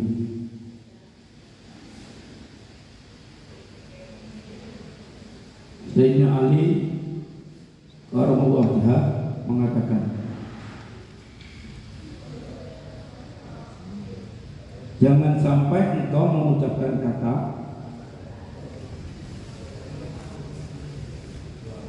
yang sudah sejak awal disalahkan oleh akal.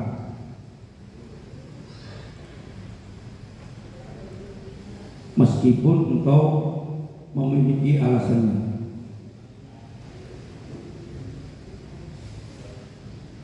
Sebab tidak semua orang yang mendengar suatu kesalahan bisa kau buat mau mendengarkan suatu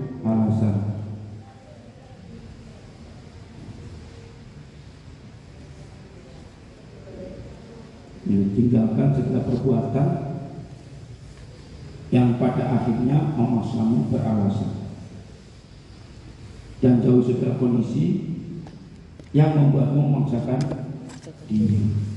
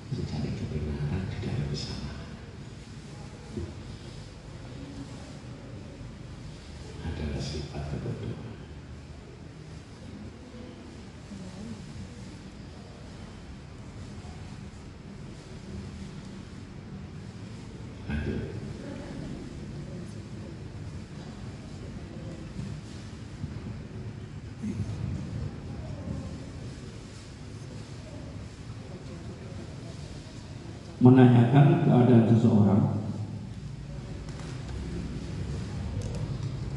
hanya agar orang itu memuji Allah.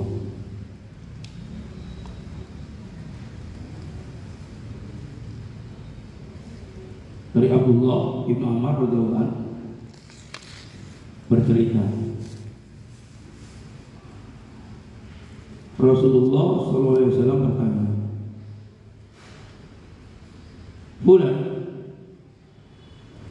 Bagaimana kabarmu di pagi hari ini? Si bulan pun menjawab, Aku memuji Allah bersamamu, wahai Rasulullah. Itulah yang kuinginkan darimu, Salam Rasulullah SAW. itu jemaah Rasulullah mungkin masih bisa kita ambil untuk jadi pelajaran. Tapi sekarang di zaman sekarang ini bagaimana orang bisa memuji Allah dengan kesibukannya justru merupakan atau pujian kepada Allah. Yang saking cintanya sama dunia. Kalau orang sudah saking cinta sama dunia. So if it gets bad, it means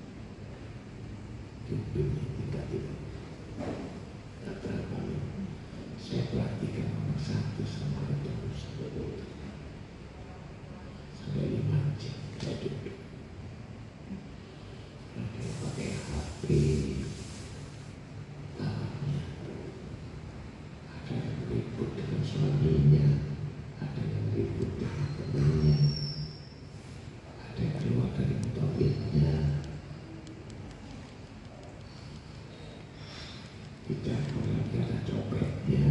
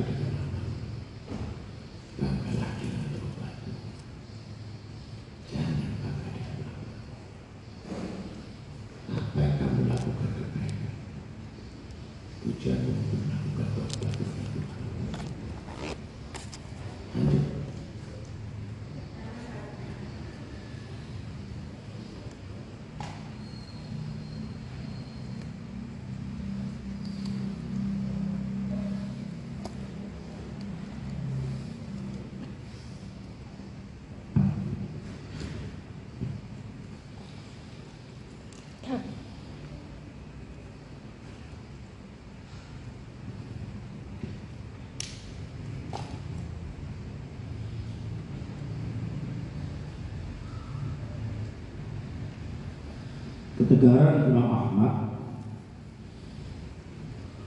dalam menjalani siksaan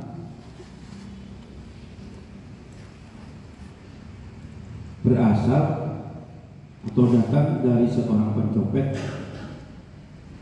kawakan bernama Abu Aisyah.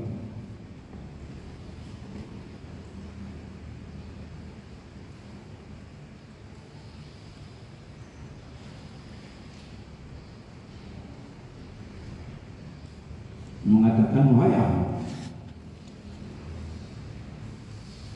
bila atas nama kebenaran engkau mati maka matimu adalah syahid.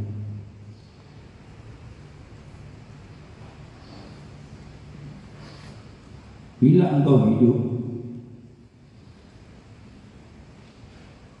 maka hidupmu akan harum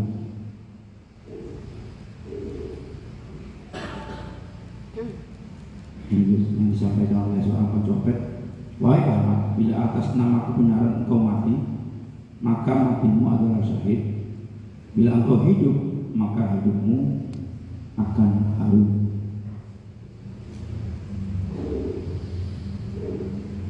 apa yang disampaikan itu benar apa salah kalau benar harum kalau dia mati saya jadi tidak boleh menutup-nutupi kesalahan tidak boleh merasa tidak nyaman kalau kita bicara benar Islam mengajarkan tegas, benar, disiplin, tanggung jawab. Bukan kriminal.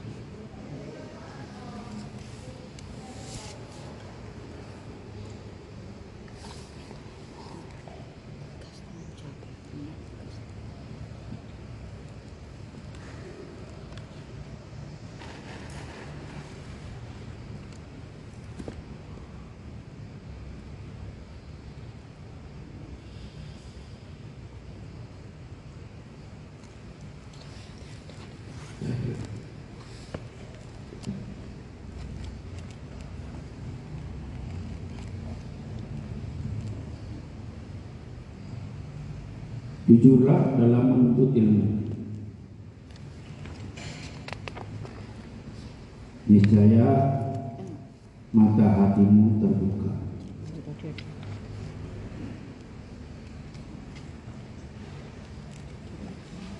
Akan tampak bagimu sinar-sinar makrifat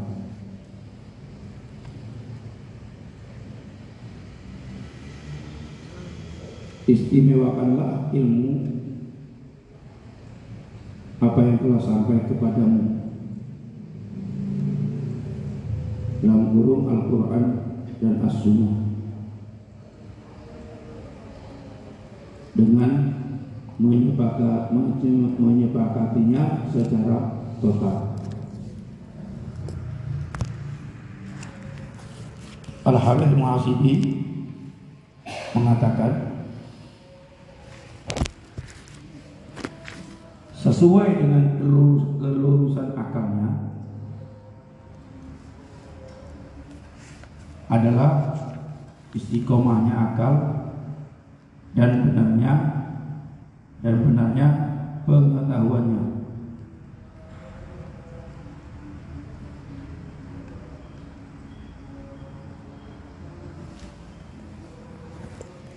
Sesuai dengan pengutamaan akalnya adalah sesuai dengan sejauh mana kemampuannya untuk lebih mengutamakan akalnya daripada hawa nafsunya.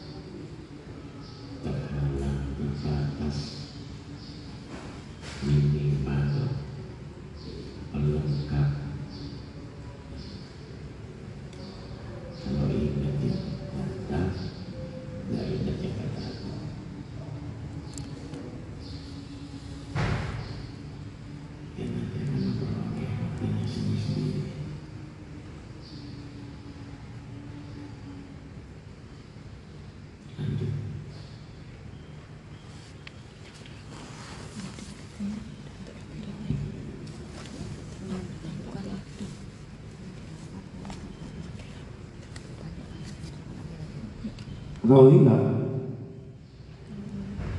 Ketahuilah bahwa segala akal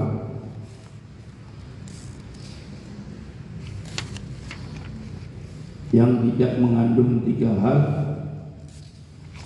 Adalah hal yang lemah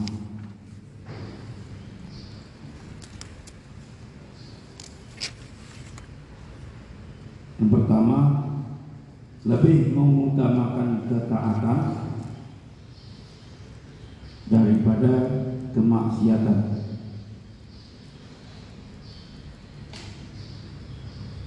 Yang kedua, lebih mengutamakan pengetahuan daripada ketidaktahuan.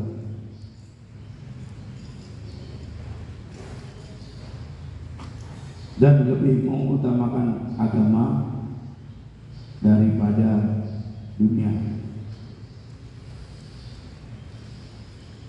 Firman Allah dalam surat Al-An'am ayat 75 Dan demikianlah kami perlihatkan kepada Ibrahim. Tanda-tanda keagungan. Dalam kurung kami yang terdapat. Di langit dan bumi. Dan dalam kurung kami memperlihatkannya agar Ibrahim itu termasuk orang-orang yang yakin. Itu kaitannya tiga hal akal yang tidak ada tiga hal maupun akal yang lemah dengan firman Allah tersebut.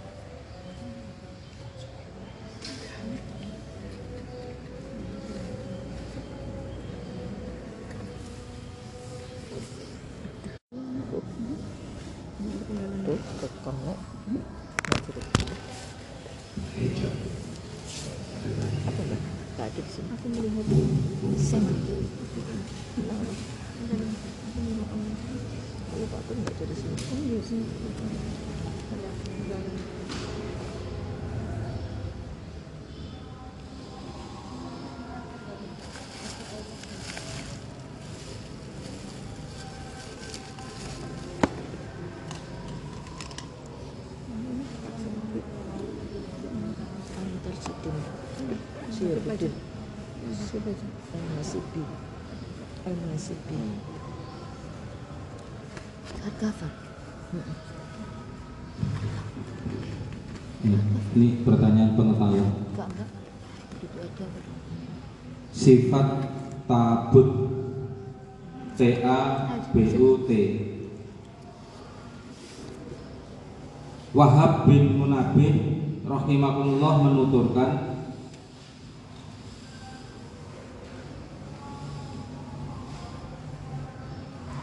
Sesungguhnya Allah taala memberikan wahyu kepada Nabi Musa alaihissalam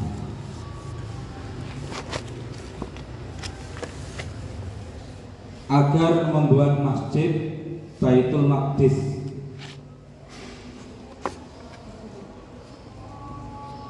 untuk meletakkan kitab Taurat.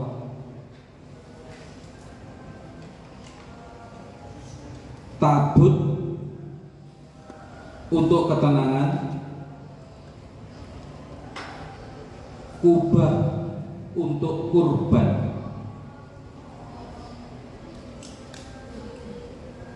Nabi Musa alaihissalam memberikan satu mitskol M I S T Q A L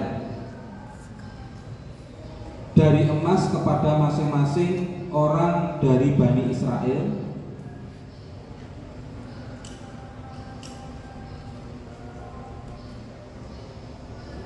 yang mendirikan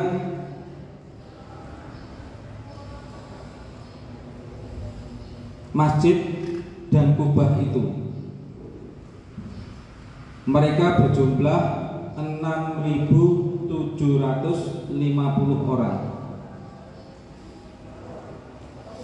Pengetahuan yang pertama pertanyaannya adalah ini Baitul Maqdis.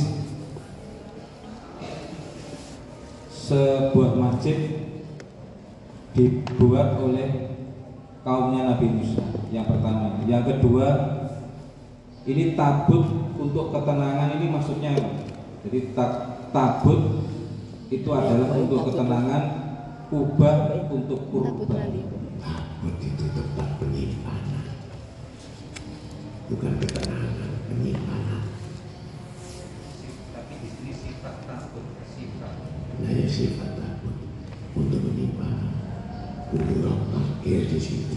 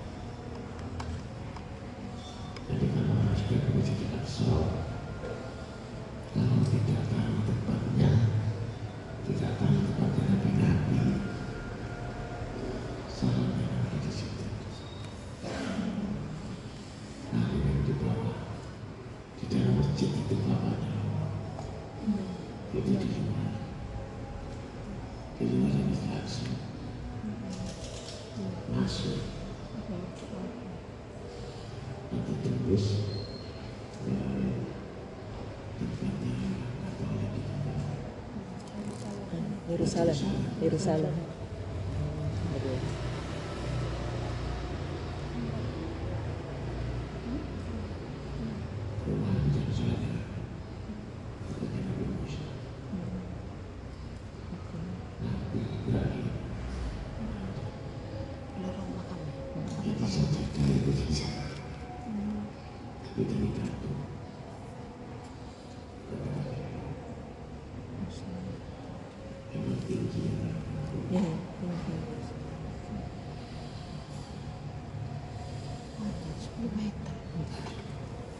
Semuanya berisik, berisik. Ada lagi. Nggak tahu itu.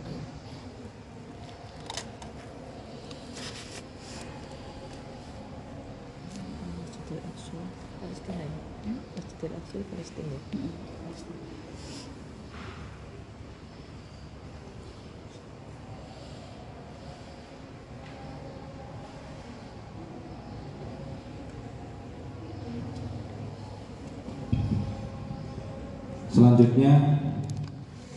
Dikisahkan Nabi Daud. Ini langsung ke paragraf akhirnya. Menyamar dan berjalan di antara manusia. Dalam perjalanannya ia bertanya tentang keadilan terhadap rakyat. Pada saat itu Malaikat Jibril alaihissalam menyamar sebagai seorang laki-laki. Kemudian Nabi Daud alaihissalam bertanya kepadanya tentang perlakuannya terhadap rakyat. Pertanyaannya, sebaik-baik hamba adalah Daud. Hanya saja ia pernah makan dari Baitul Mal, Baitul Mal orang-orang Islam. Jawab malaikat yang menyamar tersebut. ya Kemudian Nabi Daud alaihissalam segera menjawab, Ya Allah, ajarkanlah aku bekerja yang dengannya aku tidak perlu lagi makan dari harta Baitul Mal. Ini Nabi Daud, tapi sudah kenal Baitul Mal dari orang-orang Islam. Dialog antara Nabi Daud dan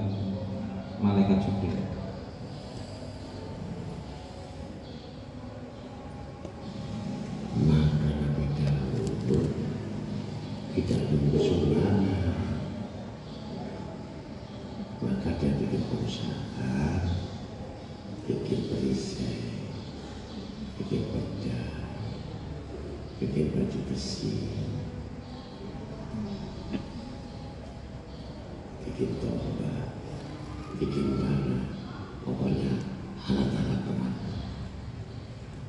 dari situ hasilnya untuk mencukupi warganya.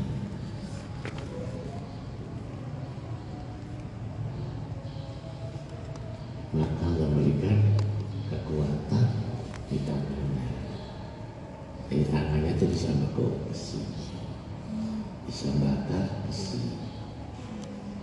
bisa melelehkan